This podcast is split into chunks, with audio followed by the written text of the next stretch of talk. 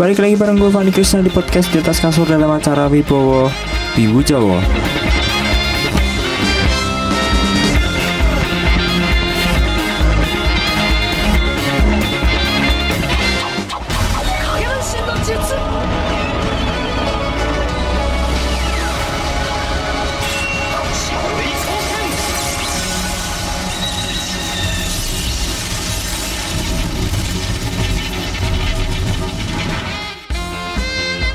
Dan di episode podcast kali ini aku mau ngomongin tentang anime Hunter x Hunter. Oke, oke, oke. Pasti dari kalian itu udah pada tahu dong anime Hunter x Hunter. Kalau kalian nggak tahu ya sebenarnya udah anime lama sih ini. Tahun 2000 ah bukan bukan malah sebelum 2000 loh. Anunya apa? Tayangnya di di Jepang. Mangganya kalau nggak salah itu barengan sama One Piece Naruto, Bleach, ya pokoknya hampir seangkatan sama tiga tiga apa ya namanya? Tiga Shichibukai itu loh. Anggaplah Shichibukai lah mereka anime kayak One Piece, Naruto, Bleach anggaplah Shichibukai. Ya hampir hampir bareng satu generasi sama mereka. Dan anime Hunter x Hunter ini menceritakan seseorang anak bernama Gonfrix yang dia itu tinggalnya di suatu pulau namanya Pulau Paus dia ini ditinggal sama bibinya sama kakeknya terus ditinggal sama bapaknya. Dan bapaknya ini adalah seorang hunter. Hunter itu apa? Hunter itu adalah seseorang yang berkelana mencari sesuatu terus juga bisa menjadi pengawal bayaran terus semacam polisi kayak kalau di dunia nyata itu sih. Ada lisensinya ada tes masuknya juga. Ya semacam kayak gitulah kalau pendapatku menurut pandanganku ya Lalu si Gunfrix ini kayak pengen tahu kenapa kok bapaknya meninggalkan dia di pulau itu. Terus kenapa juga dia lebih memilih mengurusi menjadi hunter daripada bersama Gon ya kayak gitu sih. Uh, premis cerita awalnya kayak gitu tapi nanti ya kayak anime-anime lain sih bakalan bercabang terus kompleks gitu ceritanya Terus di sini Gon itu karakternya ah sama seperti shonen shonen lain. Ya ini btw genrenya itu shonen fantasi, oh, udah jelas. Terus menurutku overpower juga ada overpowernya. Terus apa lagi ya? Ya adventure karena berpetualang. Wah udah sih kayak gitu. Gon ini anaknya adalah anak kecil umur 15 tahun kalau diceritanya dan dia itu berakhlak mulia gitu loh ahlakul karimah gitu loh. Iya dia ahlak ahlakul karimah. Karena apa ya? Dia lebih mementingkan menolong orang lain. Gitu. ya template sih. Sama kayak anime-anime lain kayak Naruto kayak One Piece ya sama kayak gitu sih sebenarnya. Terus dia ketemu sama Killua. Killua ini siapa? Killua itu uh, orang yang ditemui pas lagi ujian hunter. Nah uh, Killua ini umurnya hampir sama sama kayak Gon maksudku. Sekitar 15 tahun lah. Dan dia merasa ada kayak kemiripan. Bukan kemiripan kayak bisa saling melengkapi gitu loh. Dua orang ini kayak langsung bersahabat gitu loh. Ya bukan nggak langsung juga. Berkenalan terus rasanya cocok. Ya udah langsung bersahabat aja gitu. Sebelum ketemu Killua sebenarnya Gon itu ketemu sama Kurapika sama Leorio pas di kapal. Kalau kalian ngikuti ceritanya ya pokoknya dua orang itu adalah orang sahabat yang pertama kali ditemuin sih sama si Gon. Dan menariknya di kapal itu kayak udah sifat reveal oh, kok sifat apa ya? Watak reveal itu loh. Kalau Kurapika itu wataknya itu kayak hampir-hampir ganas sih bukan ganas kejam. Kejamnya bukan tanpa alasan loh ya. Kejamnya di sini tuh gara-gara dia punya balas dendam pengen balas dendam sama kelompok gini Ryoden lah kelompok kelompok gini Ryoden ini siapa? Kelompok gini Ryuden itu adalah kelompok penjahat. Kayak ya kumpulan penjahat gitu yang membantai sukunya. Suku Kurapika tuh sukunya Kurata. Ya suku Kurata. Nah jadi ceritanya tuh suku Kurata kan punya ciri khas di matanya yang berwarna merah kalau lagi marah kalau nggak salah. Nah di perdagangan gelap pasar-pasar gelap itu sangat laku gitu loh mata suku Kurata itu. Nah si Generoten namanya juga anggota organisasi jahat. Ya pasti ya melakukan apa pun demi perdagangan itu gitu loh. Lumayan kan cuan. Ya enggak lumayan juga sih. Blok. Nah terus si Leo Rio ini siapa? Leo Rio ini adalah tujuan uh, seorang anak yang dulunya itu seorang anak yang mempunyai suatu trauma karena temennya itu sakit dan dia nggak punya uang buat membiayai pengobatannya gitu loh. Terus pas gede pas ketemu sama Gon itu dia mengungkapkan alasannya menjadi hunter karena pengen kaya pengen banyak uang. Tapi bukan untuk foya-foya sebenarnya tapi untuk menjadi dokter. Dia pengen jadi dokter buat menyelamatkan anak-anak gitu loh. Bukan anak-anak juga sih kalau menyelamatkan orang-orang yang nggak mampu sih sebenarnya. Bagaimana sudah tertarik uh, di sini aku menangkap ada dua orang berakhlakul karimah sebenarnya. Ada si Gon sama si Leo Rio. Tapi kalau Kurapika menurutku ya ya namanya keadaan dibudakan oleh hati ya. Ya wajar-wajar saja tapi aku tidak membenarkan tidak membenarkan kegiatan oh kegiatan. Kelakuan balas dendam Kurapika ini nggak tak benerin gitu loh. Karena ya yang namanya balas dendam juga nggak boleh. Tapi ya mau gimana lagi emang kondisi hatinya ya pasti emosi lah cuk. Terus pas sudah mulai masuk-masuk ke ujian-ujian itu si Gon terus temen-temennya tadi ketemu sama yang namanya orang namanya Hisoka gitu. Hisoka ini uh, agak bingung. Ya nggak tahu ya. Kalau aku bingung sih antara dia ini sifatnya antagonis apa protagonis gitu loh. Karena di awal-awal pas di uh, di ujian hunter yang pertama dia itu kayak membebaskan Gon gitu. Kalau misalkan kalian nonton animenya aku di di sini cuma baca anime ya nggak baca mang mangganya. Aku cuma lihat animenya nggak baca mangganya. Nah di awal-awal itu pas di ujian hunter dia itu ngelepasin Gon dengan tujuan biar Gon itu belajar bertarung dulu. Biar dia itu kuat dulu terus habis itu nanti eh, baru disuruh lawan Hisoka. Nah, kayak gitu kalau yang ku tangkap selama 148 episode di Soka ini orangnya sange terhadap orang kuat gitu cok. Bukan karena sangenya itu karena pengen bertarung gitu loh kayak pengen berantem aja gitu loh. Kalau lihat orang yang kuat itu dia kayak pengen ya pengen melawan one on one gitu loh. Ya seperti itu sih nafsunya.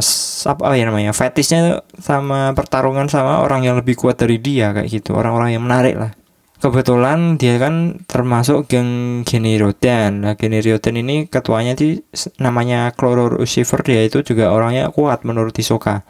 Nah, di sanalah tumbuh rasa pengen menghabisi Chloro Lucifer. Hisoka ini pengen apa ya duel lah, katakanlah duel lawan Chloro Lucifer kayak gitu sih. Lanjut lanjut lanjut ada karakter yang menurutku apa ya? Uh, susah jelasin uh, arc Cimeraan itu ada raja yang namanya Raja Merwem dia itu adalah salah satu keturunan bukan salah satu dia adalah raja dari Cimeraan yang ada di situ. Nah, si Merwem ini kayak apa ya? Sifatnya tuh masih labil antara masih menjadi manusia atau udah jadi orang yang kejam. Bukan orang sih, udah menjadi cimeraan yang kejam kayak gitu di sisi lain dia punya orang yang namanya Komusugi dia ini tertarik sama Komusugi karena dia itu manusia yang buta tapi jago banget main apa ya namanya kayak catur Jepang kayak gitulah nah dia itu uh, mulai merasakan bahwa setiap orang itu pasti punya kelebihannya masing-masing gitu loh Cok. dan kalau dia membunuh seseorang itu dia tuh pengen membunuh orang yang benar-benar gak berguna gitu. dan apa ya menurutku ya ya gimana ya kan namanya orang kan ya pasti pasti dong punya kelebihan kekurangan masing-masing. Tapi kan nggak semua orang itu boleh untuk kita bunuh gitu loh cok. Boleh untuk kita bungkam lah kayak katakanlah kayak gitu. Nah di situ menariknya. Uh, anime Hunter x Hunter ini sangat-sangat apa ya menurutku berbeda yang berbeda dari la yang lain itu dari segi oh ini yang gampang dulu ya. Aku nggak nggak pernah membahas yang berat-berat sih sebenarnya di podcastku di di anime Hunter x Hunter ini biasanya kan kalau anime-anime shonen kayak One Piece, Naruto, dia kan tokoh utama yang ngalahin bosnya, raja utama. Berbeda dengan Hunter x Hunter ini. Kalau di Hunter x Hunter ini rata-rata, rata-rata yang ngalahin bosnya itu malah orang lain gitu loh. Si Gonfrix ya di situ cuman adventure doang kayak mencari jati diri bukan mencari jati diri kayak dia tuh masih dalam berlatih untuk menjadi yang kuat gitu loh. Tapi di, di saat dia berlatih menjadi yang kuat itu dia ketemu orang-orang yang lebih kuat dari dia. Misalkan pas di arc Geniryoden pas di arc Geniryoten kan dia udah sempat keculik sama geng Geniryoten itu.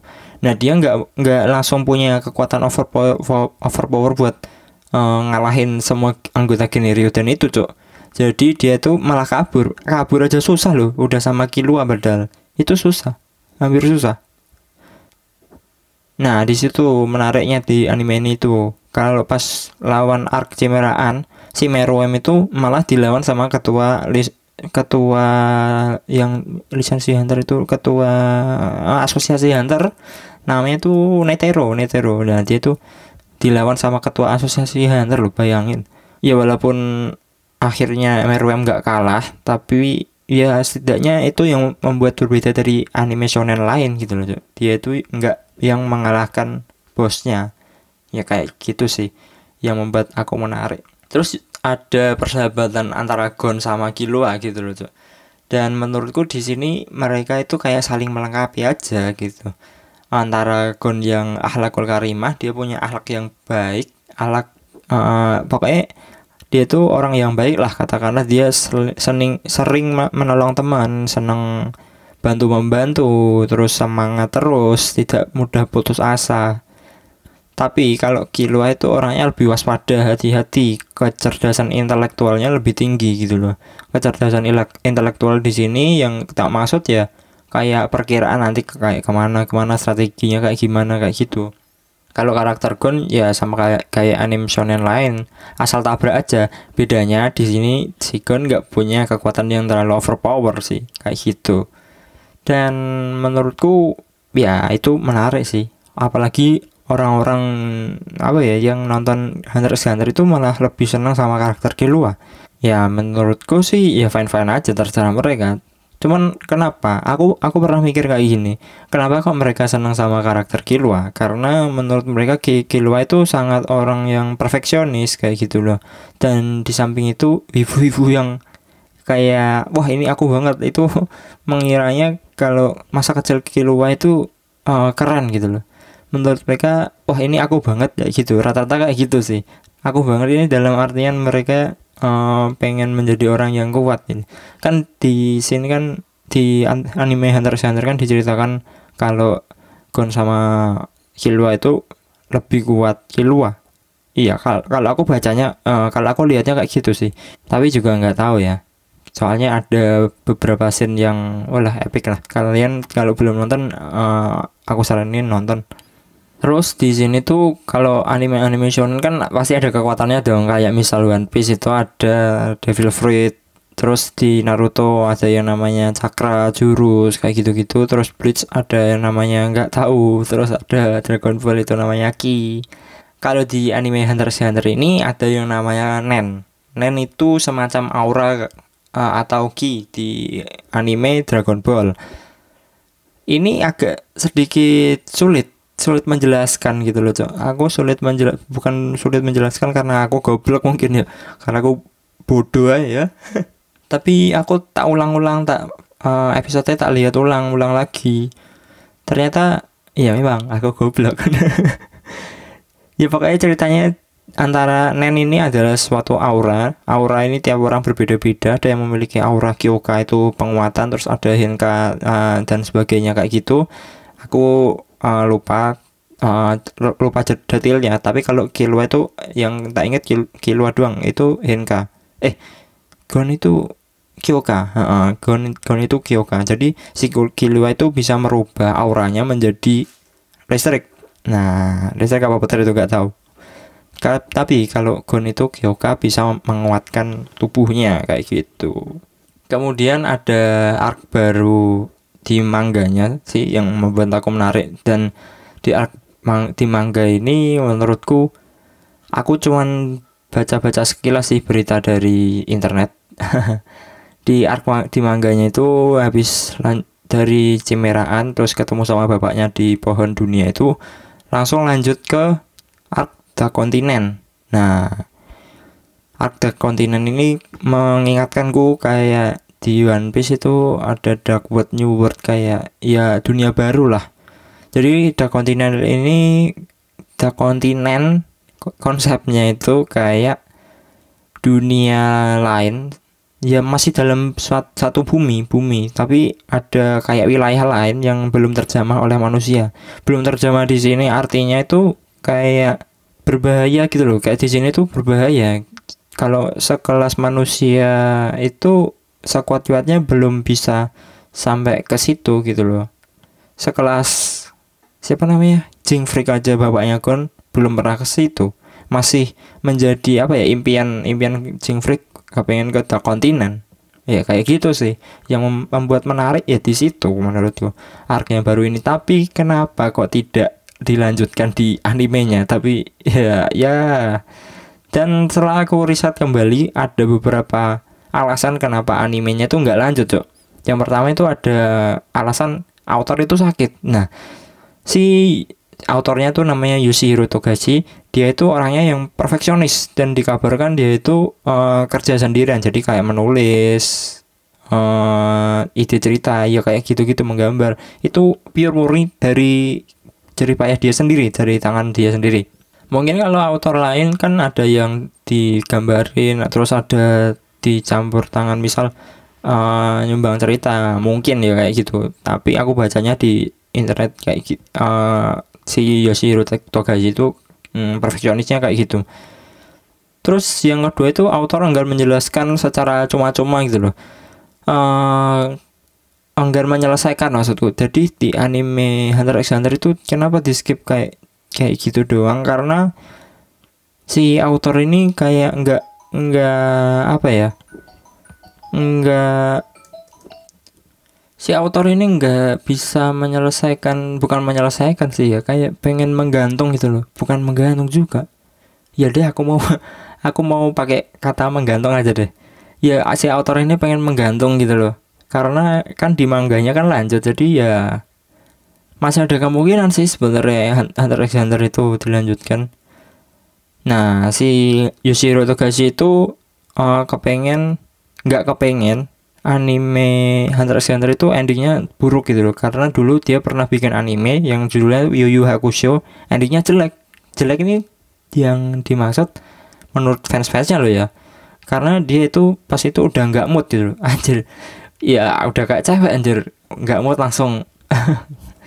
Langsung main N aja. Padahal kan itu kan udah dipuja-puja banyak orang ya makanya dari itu di anime Hunter x Hunter itu sempat hiatus kan. Terus ada banyak jokes anime Hunter x Hunter jadi hiatus x hiatus oke.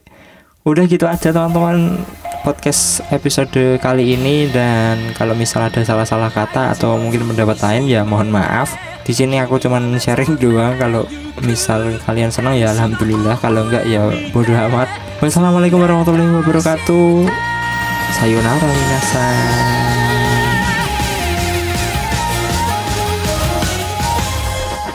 僕でも一人じゃないさ。生まれてきたことに必ず意味がある。